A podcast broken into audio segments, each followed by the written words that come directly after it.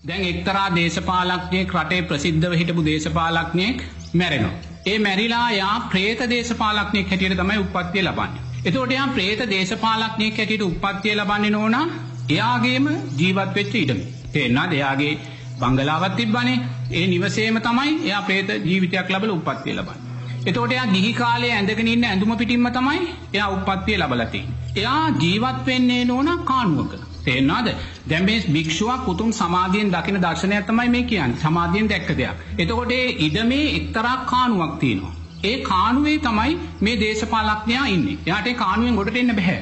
මේ කානුවේ මේ දේශපාලඥයා පුටුවක් තියාගෙන වාඩි වෙලා ඉන්නේ. නමුත් මේ පුටුවේ නෝනා කකුල් හතරම එක සමාන නැහැ. දැන් මේ පුටුවේ කකුල් හතරම එක සමානයිනේ. තේරුණාද?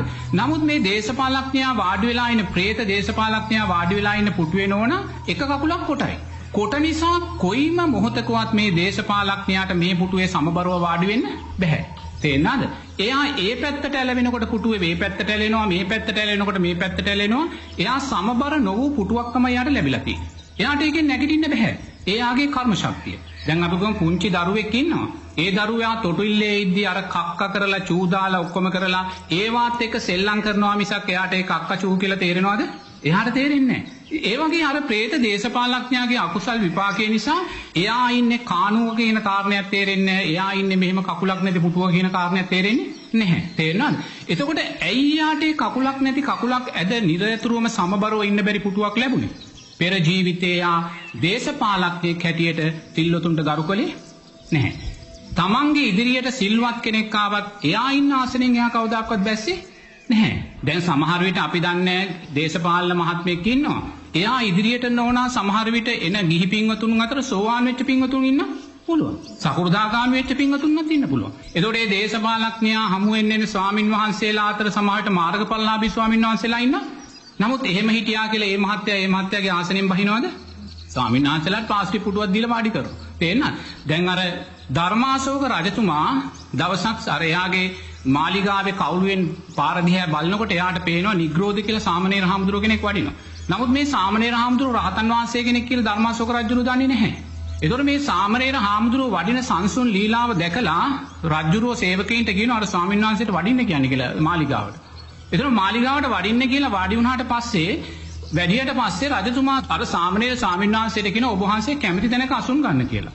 ඒ වෙලාවේ සාමණේර ස්වාමීන් වහන්සේ බලනවා Tamanට වඩා වැඩිහිටි ස්වාමීන් වහන්සේ කෙනෙක් මෙතන වැඩ ඉන්නවාද කියලා. කවුරුත් නැහැ. ඒ වෙලාවේ මෙතන තියෙන සුදුසුම ආසනය මොකද්ද කියලා සාමණේර ආමඳුර කොතනද වාඩි වෙන්නේ? එයා සිංහාසනේ වාඩි වෙන්නේ. ඇයි සිංහාසනේ වාඩි උනේ ඇයි? ධර්මාශෝක රජතුමාට අකුසලයක් නොවෙන්නේ. යම් මේකින් ශ්‍රාමුදුරුව පල්ලෙහා ආසනේ වාඩි වෙලා ධර්මාශෝක රජතුමා සිංහාසනේ වැඩ වුණා නම් අර රහතන් වහන්සේ ඉදිරියේ රජතුමා හැසිරිච්ච ස්වභාවය දැකලා බරපතල වූ අකුසලයක් එයා සිද්ධ කරගන්න. ඒ නිසා නිරේතුරුවම නෝනා මේ කාරණයේදී අර ප්‍රේත දේශපාලඥයාට ප්‍රේත ලෝකෙට වැටිලත් සමබර ආසනයක් ලැබුණේ නැහැ. එතකොට සමබර ආසනයක් නොලැබුණේ ඇයි? අර ජීවිතයේදී තමන්ගේ දේශපාලන ජීවිතය තුළදී තමන්ගේ නිලය නිසා බලය නිසා ධනය නිසා එයා කවදාක්වත් එයාගේ ආසනෙ නැකිට නෑ කොච්චර පූජ්‍ය පක්ෂය කෙනෙක් ආවත්. එතකොට දැන් මේ බලන්න මේ පුංචි තැනකදී ආ විපාක විඳින හැටි. ඒ වගේම දැන් මේ പ്രേත දේශපාලන ලෝකේත් නෝනා නිරේතුරුවම දේශපාලන ප්‍රේතීන් ප්‍රේතයන් ඉන්නවා. දේශපාලන උපාදානයේ දරාගෙන ප්‍රේත ලෝක වැටිච්ච හැය. දැන් මේ ප්‍රේත ඇමතිවරයාගේ දිනචරියාව තමයි එයාට මේසයක් තියෙනවා මේක තියාගෙන යා ලියනවා හැම වෙලාවෙම. ඒ කියන්නේ දැන් ජීවිත කාලයේදී මනුස්ස ලෝකේ දේශපාලනය කරද්දී මොකද්ද කරන්නේ ලියුම් ලියන එක නේ අසංගන්න එකයි ලියන. ඒ වගේ උපාදානය අනුව මෙයා ලියනවා. තේරෙනවද? එතකොට එයා ඉස්සරහට නෝනා දැන් මම මේ කියන දේ බහුතරයක් පිළිගන්නේ නැති වෙන්න පුළුවන්.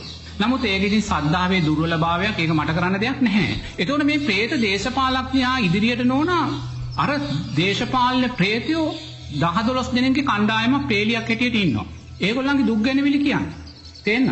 ඒ දුක් ගැනවිලි කියද්දී එතෙන්ට එනවා එක්තරා ප්‍රේතියක්. හොඳේ? ඒ ප්‍රේතිය එන්නේ කෑ ගහගෙන අඳෝනා තියාගෙන එන්නේ.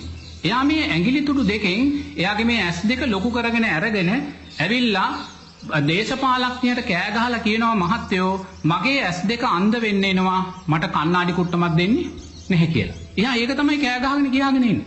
ප්‍රේත ලෝකේ ජීවත් වෙන දේශපාලන ප්‍රේතයක්. තේරුණායි? එයා කෑ ගහගෙන දේශපාලඥයා ළඟට ඇවිල්ලා කියනවා ප්‍රේත දේශපාලඥයා ළඟට ඇවිල්ලා කියනවා අර පොලිමේ ඉන්නවා තව 10ක් 12ක් ප්‍රේතයෝ ප්‍රේතියෝ. නමුත් මෙයා පොලිම කඩාගෙන ඉස්සරහට ඇවිල්ලා තමයි කියන්නේ. මොකද එයාට ඒ තරම් S2 වේදනාවයි. ඔබ හිතන්න ඔබට තේරෙනවා නම් දැන් ඔබේ තව මොහොතකින් S2 අන්ධ වෙනවා කියලා ඔබට තේරෙනවා නම් ඔබට දැන් වේදනාව ඔබ හිතා ගන්නකො. තේරෙනවද? මේක අකුසල් විපාකයක්. ඒතකොට මෙයා S2 අරගෙන දේශපාලඥයා ළඟට ඇවිල්ලා කෑ ගහලා කියනවා මම ඔබතුමාගේ ලියුම අරන් නගර සභාවට ගියා. නමුත් ඒගොල්ලෝ මට කන්නඩි දෙකක් දෙන්නේ නැහැ.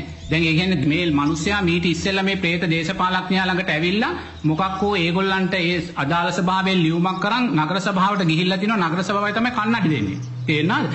එතනදි ගිහාම ඒගොල්ලෝ කියනවලු ඔබට කන්නාඩි දෙක ඕනේ නම් ඔබේ කට ගඳයි කටේ ගඳ අරගෙන ඉන්න කියලා. තේරෙනවද?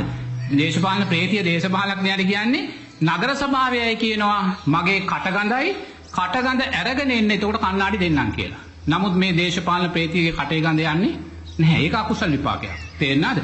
එතකොට මේ දේශපාලන ප්‍රේතිය මේ S2 අන්ධ වෙන දුක දරාගෙන හැමදාම මේ പ്രേත ලෝකේ අප්‍රමාණ වූ පීඩාවට පත් වෙනවා. තේරෙනවද? මොකද කන්නාඩි දෙක ලැබෙන්නේ යාගේ කටේ ගඳ යන්නේ නැහැ. එතකොට මේ දේශපාලන ප්‍රේතිය කියන්නේ කවුද? මේ ගම් මට්ටමින් නගර මට්ටමින් දේශපාලන කරන ප්‍රාථමික දේශපාලන නායිකාව ගිය ජීවිතේ. තේරෙනවද? දැන් ඔය සමහර අවස්ථාවල දේශපාලන ශාඛාවල වේවා ඔයනි ආයතන වල ඒගොල්ලන් කණ්ණාඩි බෙදනවා. නමුත් කණ්ණාඩි බෙදන්නේ නොමිලේ. නොමිලේ බෙදනකොට දැන් ඔතෙන්ට කවුරු හරි සිල්වත් අම්මා කෙනෙක් එනවා කණ්ණාඩි දෙක අවශ්‍යව. එයාට ඇත්තටම කණ්ණාඩි දෙයක් ඕනේ. ගන්න ක්‍රමයකුත් නැහැ. කණ්ණාඩි දෙක ආපුහාම එතන ඉන්න දේශපාලන සංවිධායකාව කියනවා ඔබට කණ්ණාඩි දෙන්න බෑ. ඔබ අපේ රැස්වීමට ආවේ නෑ, මෙයි පෙළ පාලියන්න ආවේ නෑ, ඔබ අපිට ඡන්දෙ දුන්නේ නෑ, ඔබට කණ්ණාඩි දෙක දෙන්න බෑ කියලා. නමුත් මේ සිල්වත් අම්ම කෙනෙක් යාට ඇත්තටම කණ්ණාඩි දෙක ඕනේ. ඒතකොට මෙන්න මේ වගේ පෙර මනුස්ස ජීවිතයේ කළා වූ බලවත් අකුසලයක් නිසා එයා බලන්න പ്രേත ලෝකෙට වැටිලා අර වගේ പ്രേත දේශපාලඥයා ඉස්සරහට ඇවිල්ලා S2 අන්ධ වෙන දුකෙන් හැම මොහොතෙම කෑ ගහනවා මට කණ්ණාඩි දෙකක් දෙන්න කියලා කණ්ණාඩි ලැබෙන්නේ නැහැ කටගඳ නිසා. ඇයි කටගඳ දේශපාලනය ලෝකයේ පෙර මනුස්ස ජීවිතේ අනුන්ට මඩගහලා අනුන්ට චෝදනා කරලා අනුන්ට පල්ලෙහාට එල්ලලා කතා කරලා එහි විපාකයෙන් කටගඳ ප්‍රේතියක් හැටියට තමයි ඉපදුනේ. තේරෙනවද? ඒතර බලන්න කට ගඳ නිසා කට ගඳ අරගෙන එන්න කියනවා කණ්ණාඩි දෙක දෙන්න. නමුත් එයාගේ කට ගඳ යන්නේ නැහැ. ඇයි පෙර ජීවිතේ අනුන්ට මඩගහලා අනුන්ට චෝදනා කරලා අනුන්ව පල්ලෙහාට දාලා කතා කරලා එහි විපාකය නිසා අර කටගඳ ප්‍රේතියක් හැටියටයි ඉපදුනේ. නමුත් එයා පෙරජීවිතේ සුදුසු කෙනෙකුට පින්මත් කෙනෙකුට කන්නාඩි දෙක නොදීමේ අකුසලය නිසා එයා නිරේතුරුම් ප්‍රේත ලෝකේ ඇස් දෙක අන්දවීමේ දුක දරාගෙන ජීවත්වෙන. එතොර බලන්න මේ වගේ පල්ලෙහා සාමාන්‍ය ශාකාවක සභාපති කෙනෙක් සභාපතිනියක් වගේ ප්‍රේතියක් අරසා දුකක් ප්‍රේතලෝකයේ විඳිනවා නම්.